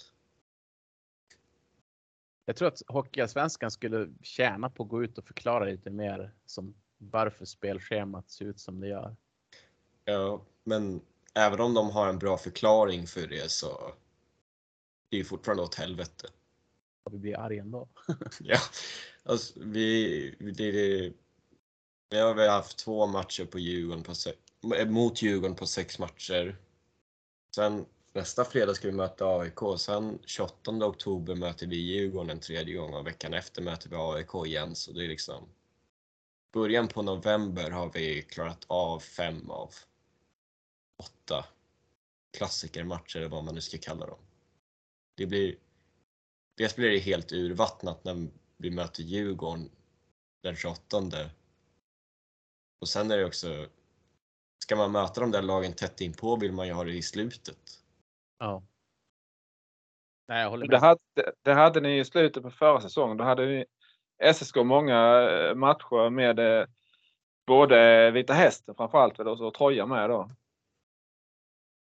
Vita Hästen eh. hade, Vita Hästen hade ni tre det var väldigt många matcher där mellan, eh, var det inte så? Om jag minns rätt. Jo, det var tre matcher på en vecka typ. Ja. Eh, och alla fyra matcher var efter nyår. Ja. Sen är det väl så när det gäller spelschema att det, det är många parametrar som, eh, som man, man ska väga in och jag, jag kan köpa det när det gäller när Kristianstad då sydligaste laget är på turné och kanske då spelar både mot eh, Björklöven och Modo och Östersund. Eh, att man, eh, men eh, då eh, som förra säsongen direkt efter hemkomsten när man då betat av eh, Björklöven och eh, Modo spelar mot Björklöven och Modo även på hemmais. Det, det, det förstod jag inte alls. Eh, och nu den här säsongen då så spelar Kristianstad mot Djurgården i andra omgången på Hovet och sen eh, i fjärde matchen efter och då har spelat mot Mora i tredje omgången. I fjärde omgången så är det Djurgården på besök nere i Kristianstad. Det är också lite märkligt kan jag säga. Och om jag minns rätt så ja. spelar Kristianstad samtliga fyra matcher mot Djurgården innan jul.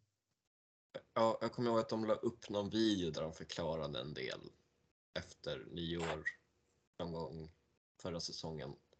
Men jag känner, med, vi, vi pratade en del om spelschemat då och jag känner de kan ha vilka förklaringar de vill men ingen gillar det här.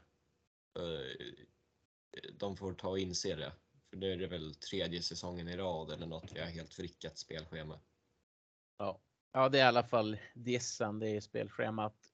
Hissen, eh, en liten grej, men jag tycker att eh, det här som Hockeyallsvenskan gör med domare. Som man kan fråga på Twitter. Och så tar de det direkt efter match med olika domare kring domslut. Det, det tycker jag är en bra grej.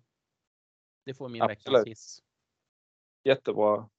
Jättebra in initiativ. För det är ju, om man tittar på Twitter efter eh, matcher så är det nästan bara domslut som diskuteras. Eh, om det skulle vara mål där eller inte mål där. Om det om det var utvisning, om det, var, om det skulle vara en femma eller om det skulle vara avstängning och hit och dit. Så att eh, det är jättebra att få klara besked hur dom, domarna eh, tänker och tänkte i de här situationerna.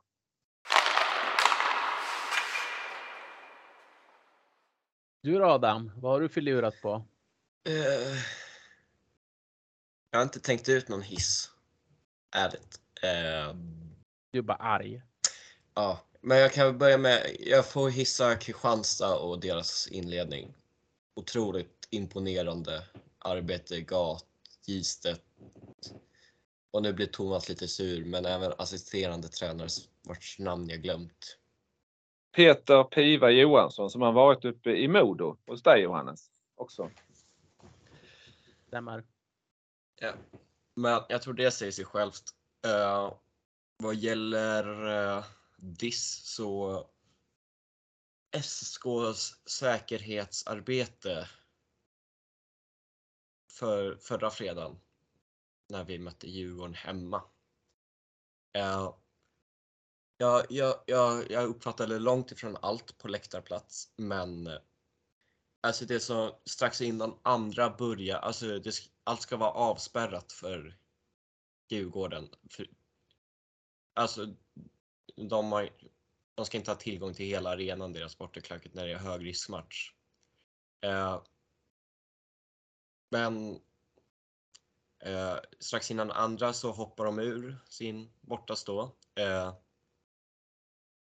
och ingen ingrep eller någonting. Tog sig till hemmastå, eh, tog några banderoller. Sen upptäckte några på K, sektion K eh, bredvid, hemma står det. Eh, sprang efter dem. Blev lite bråkigt. De fick med sig en halv banderoll tillbaka till bortastå eh, och tände eld på den. Eh, och tände även en bengal Eh, och det är även så här familjer som har skrivit att det kastats öl och sånt på dem. Eh, det var även en djurgårdare i närheten av hemmastå som jag vet, jag vet ärligen inte vad han gjorde men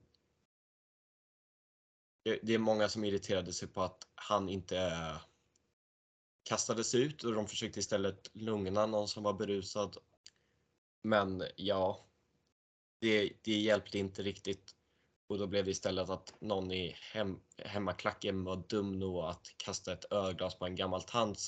Jag tror det är också en stor anledning till att vi inte hade så många supporter som vi brukar ha på Hovet igår, fredag. Jag tycker det är... Alltså typ, eh, sådana här matcher kommer alltid vara stökiga på ett eller annat sätt. Eh, jag vet att det har varit lite stökigt efter de här matcherna också och om, om idioter vill buckla på varandra efter matcher. Alltså, jag tycker inte om det, men jag bryr mig ärligen inte så mycket. Men jag tycker bara att det är väldigt tråkigt att eh, att det ska gå ut över eh, sällan besökare eller barnfamiljer och så som inte vill ha med det där att göra. Det, om jag jämför med matcherna mot AIK så är det oftast, det är välfyllt, det är hetsigt, men det stannar där. Alltså verbalt. Jag klandrar inte några supportergrupper för det eller något, utan jag klandrar SSKs säkerhetsarbete i fredags, och jag tyck, i förra fredagen och jag tycker även att visiteringen. Båda de här matcherna har varit ett skämt. Jag hade lätt kunnat få in en bengal ifall jag hade velat. Alltså, otroligt dåligt. Ja, det var ord och inga visor. Och det, det är tråkigt att eh, vi ska behöva ta upp sånt här. Har det kommit ja. någonting efteråt så att man har sagt någonting om det Adam? Uh, SSK har lagt upp, la upp en artikel på sin hemsida om säkerhetsarbetet. Eh, så vi får se om det blir bättre nästa gång vi möter Djurgården hemma. Ja, det får man ju hoppas. Verkligen. Men ja, jag kan väl också ordningsvakterna Djurgården hade i, på deras hemmamatch var väldigt mycket bättre. Jag vill hylla dem lite för de stod hela tiden och höll koll på Djurgårdarna som var i närheten av bortaklackarna försökte provocera och när det gick för långt lyfte de ut två stycken. Och det, ja, cred till dem. Förutom lyssnarfrågan om Djurgården har vi två till. Eh, ja. Första är från Mattias Danielsson. Eh, han undrar om man utgår ifrån att Östersund håller sig kvar, vilka tror vi åker ut? Uh, jag har redan tippat att Tingsryd ska åka ut så det är väl det enklaste svaret för mig. Vad tror ni? Ja, jag, jag tippade ju playout mellan eh, Östersund och Almtuna, men att Almtuna skulle klara sig kvar. Mycket tack vare att jag tror att eh, Robert Kimby eh, eh, kan så att säga ha ett S i rockärmen där i ett eh, playout och även att Viktor Andrén tycker jag är en bra målvakt. Och sen är där ett antal eh, bra spelare också, inte minst Oskar Asplund som nu avgjorde senast mot eh, Djurgården i straffläggningen. Så att jag hade ju som sagt Almtuna-Östersund men eftersom nu Mattias Danielsson, Troja-Mattias, ställer den här frågan så får det ju ändå bli Almtuna då.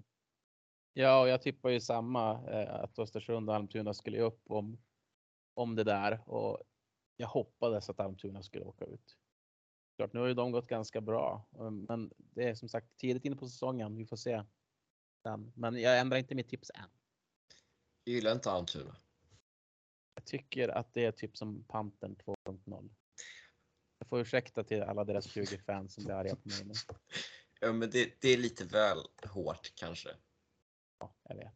Det, det, var, det var lite därför eh, som jag eh, hissade Almtuna IS. Det är en respekt, eh, en förening som har 90 år på nacken och eh, då eh, såg lite här på sociala medier. Eh, hade ett trevligt eh, firande och som dessutom då fick eh, kröna det med, med att eh, besegra Djurgården eh, i sin egen hemmahall då. Eh. så att sen samtidigt så, så är väl inte eh, Gränbyhallen eller, eller vad heter det, Upplands Bilforum AB, eh, den kanske gemytligaste arenan att komma till och spela hockey i. För det, nu var det ju som sagt drygt 2400 på plats, men det var ju av, med anledning av jubileumsfirandet då. Men, men annars så är, är väl eh, det är en av eh, bortamatcherna som man kanske minst ser fram emot. Men, men ändå respekt till föreningen som sådan och Eh, Eh, de har ju gjort lite skifte här eh, både på tränarsidan och även i styrelsen. Där en, eh, Ulf Rosén, tror jag han heter, har kommit in och ska väl ha lite ekonomi med sig också som ska kunna stärka upp föreningen. Men det är väl först inför nästa säsong då. Så, så att på ett sätt vore det väl olyckligt om Almtuna åkte ner nu när de då som sagt firade sitt 90-årsjubileum här igår och då eh, har fått in lite friska pengar i föreningen. Så Almtuna har ju dragits med eh, ekonomiska bekymmer under rätt så lång tid och eh, därav sålt av eh, ofta sina bästa spelare då under säsongen. Ja, lite försvarstal här för Almtuna IS som sagt som jag ja, hissade. Ja, absolut, men själva staden har ju ingen hockeykultur de, de är inte intresserade av hockey i Uppsala. Ja, det, det, det är väl bandy för hela slanten nästan i, i, Uppsala. Ja, och det är det jag baserar mest på att då är det ju bättre att eh, en stad eller en ort eh, som älskar hockey får gå upp än att mala på med det där. Jag tycker ändå det är lite magstarkt att jämföra med en klubb som hade liksom tre pers på hemmamatcherna. ja, det är sant. Det var lite väl. väl ja. Nej, Johannes han har ett agg i sidan mot Almtuna.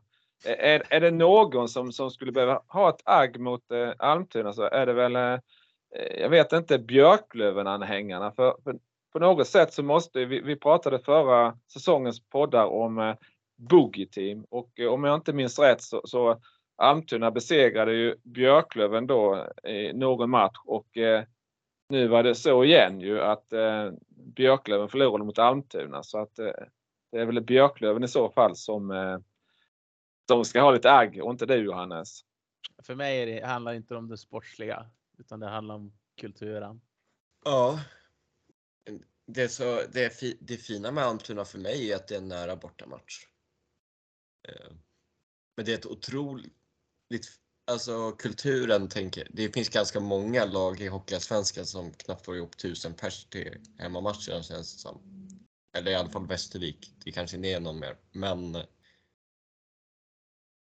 det är ett otroligt frustrerande lag att möta ibland när de får matchbilden dit de vill. Jag vet, det kanske är för att jag har hållit på ett dåligt lag i tio år, men eh, eller håller ni med om det?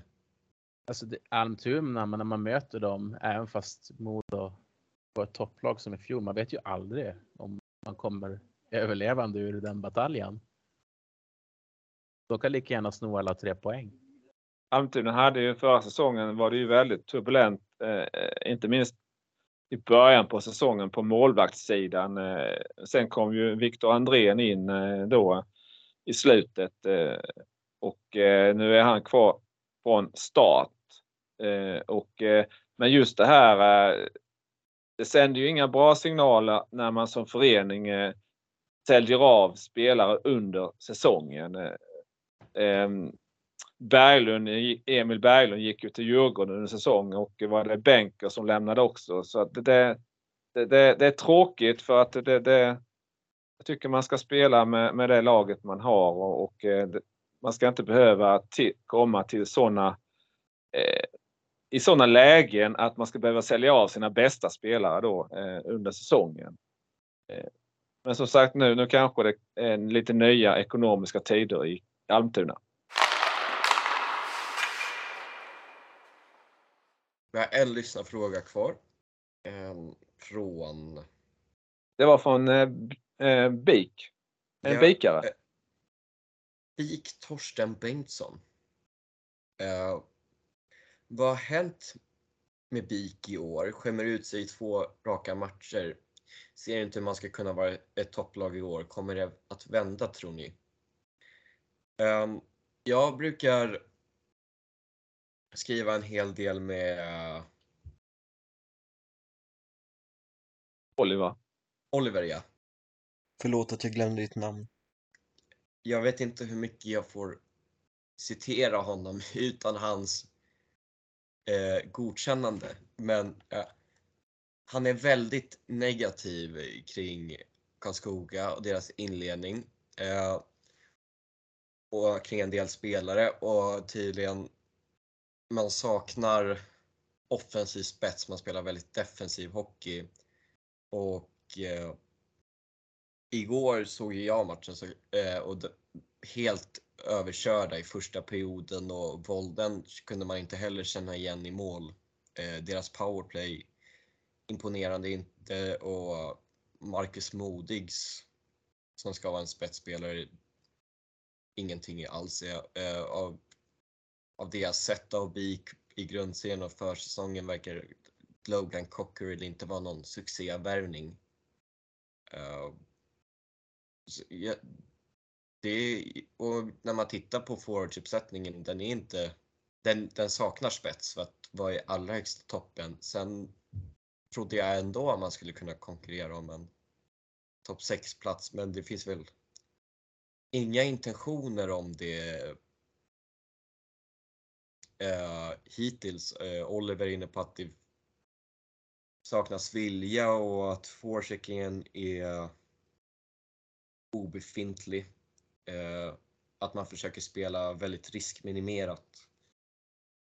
Eh, och tydligen även mot Västerås, det blev 4-2, skulle det ha varit skulle, ska man inte ha haft en chans och det mot ett Västerås som inte imponerat inledningsvis det verkar inte finnas några intentioner för att Karlskoga kommer vara ett semifinallag i år. Sen kan ju saker ändras. Eh, jag vet inte, jag har ingen koll alls på hur ekonomin ser ut för att värva. Men den kan inte vara jättestark om man startar med den forwardsuppsättningen som man gör. Men Modigs, visst han spelat två matcher va? Han har väl varit, han måste ha varit skadad eller någonting? Uh, ja, det är möjligt. Jag baserade bara på vad jag såg igår. Ja, jag tror det att han har bara spelat två matcher. Om inte jag minns helt fel så var det i alla fall när han kom till Modo så tog det ett tag innan han började göra mål. Det var inte så att han sprutade in mål direkt. Um, och var det inte så med hela Karlskoga i fjol också att de kom lite senare? Nej, jag, jag, vet, jag, vet, bara att eh, Karlskoga vann i premiären förra säsongen 2-1 mot eh, Kristianstad. Eh, eh, efter det har jag inte full koll på hur, hur eh Karlskoga det, fortsatte där. Men... Det, det, det stämmer. Jag, jag, tror aldrig de var i bottenskiktet, men det stämmer nog att Nej. de inte liksom låg topp tre hela säsongen som de slutade. Nej, jag för mig det också att de kom smygande och. Eh, Jag måste bara till, vi, vi hade ju kommit överens om att Johannes skulle ta den här frågan som tippade Karlskoga 3 och sen jag glömde bort det. Det, du kan, du, det, ska, jag, ska jag ta nu eller ska, ska du eh, komma in nu Johannes? Alltså, jag, jag är inte speciellt orolig än. De, de har ett bra försvarsspel. Marcus Modis måste få lite tid på sig, men jag, jag tror också det Adam är inne på lite grann att de skulle nog behöva någon, några till och med fler spetsspelare. Men de har ju en fin defensiv att bygga på. Jag tänker förlusten mot Västerås. Det är ju en bounce back från Västerås. Det är ju deras första match efter Modo matchen. De är ju säkert taggade till 100 procent att ta den segern. Men och sen möter man Södertälje som har spelat bra men inte gjort mål. Eh, men det som hände innan mot Tingsryd. Den är ju inte så kul. Det är väl där de börjar förlora. Ja, eh, som sagt, vi har, vi har sagt det många gånger nu att eh, lagen har bara spelat fem eller sex matcher. Men, men eh, vi pratade redan i premiärpodden eh, om att eh, BIK Karlskoga har tappat Henrik Björklund, har tappat Alexi Rekkonen. Eh, två riktigt eh, starka anfallsspelare. Plus även då en, en back, eh, Albert Lyckåsen, som eh, gjorde mycket poäng i, i, som BIK har tappat till AIK då. Så att eh, det, det är minst tre spelare som, skulle, som var spetsspelare förra säsongen som inte är kvar.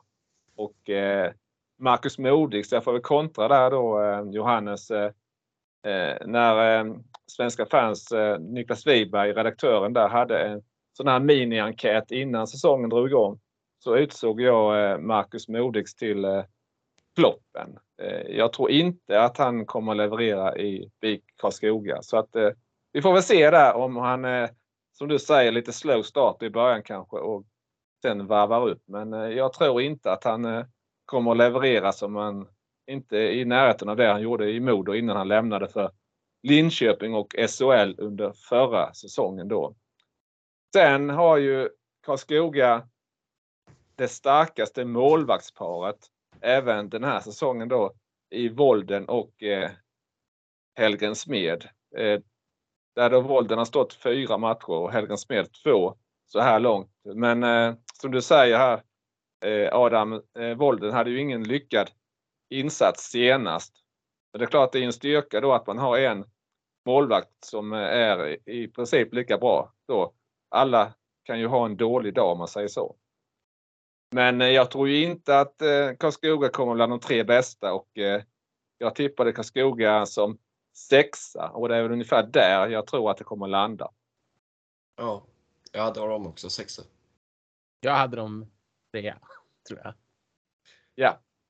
Eh, sen är det väl lite så också att eh, Karlskoga har väl alltid varit känt för att spela den här grishockeyn in, inom citat. Eh, lite jobbiga, aggressiva hockeyn. Men eh, eh, vad jag förstått så har det väl inte varit riktigt så nu. Utan det har varit lite mer lite tamare från Biks Bigs sida och eh, ska ju inte glömma heller då att eh, Karlskoga inför den här säsongen har tappat eh, Mikael Daggen Eriksson som ju nu är expertkommentator istället och eh, med den här eh, Ringside-podden eh, och, och, så. Så att eh, det är mycket bra spelare, viktiga spelare som, som eh, Daggen som sagt stod ju för det här eh, tuffa, hårda, alltid komma till jobbet, eh, eh, slita till 100% för BIK-tröjan. Det här stora hjärtat för föreningen. Eh, och det återstår ju att se om det är andra spelare. Eh, Fransén, det var väl Gustav Fransén som var med på den här hockeyallsvenska upptaktsträffen och pratade om att andra får kliva fram och göra mål och visa vägen och Franzén är väl en av dem som ska göra det. Men som sagt, eh, än så länge så har BIK Karlskoga inte visat sig från sin bästa sida. Så frågan är ju om det kommer efter eh, med säsongen då. Ja, jag hoppas Torsten har fått svar på sin fråga. Var det så illa att de skämde ut sig Adam? Tycker du det? Som, som Torsten han skriver här. Igår ja. Det gjorde de. Absolut, det, det var inget snack om vilket lag som var bäst. Eh, de ska vara glada att de bara släppte in fem. Eh, Vikmatch, Vikmatchen har jag ingen aning om, men eh, Oliver delar uppfattningen att de skämde ut sig. Då har de lite att jobba med i BIK Karlskoga då.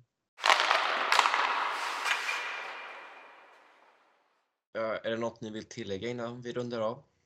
Nej, Nej, Yes, men eh, då tackar vi för att ni har lyssnat så önskar vi er en fortsatt trevlig dag så hörs vi förhoppningsvis snart igen. Hej då! hej då. Hej då. Ha det bra.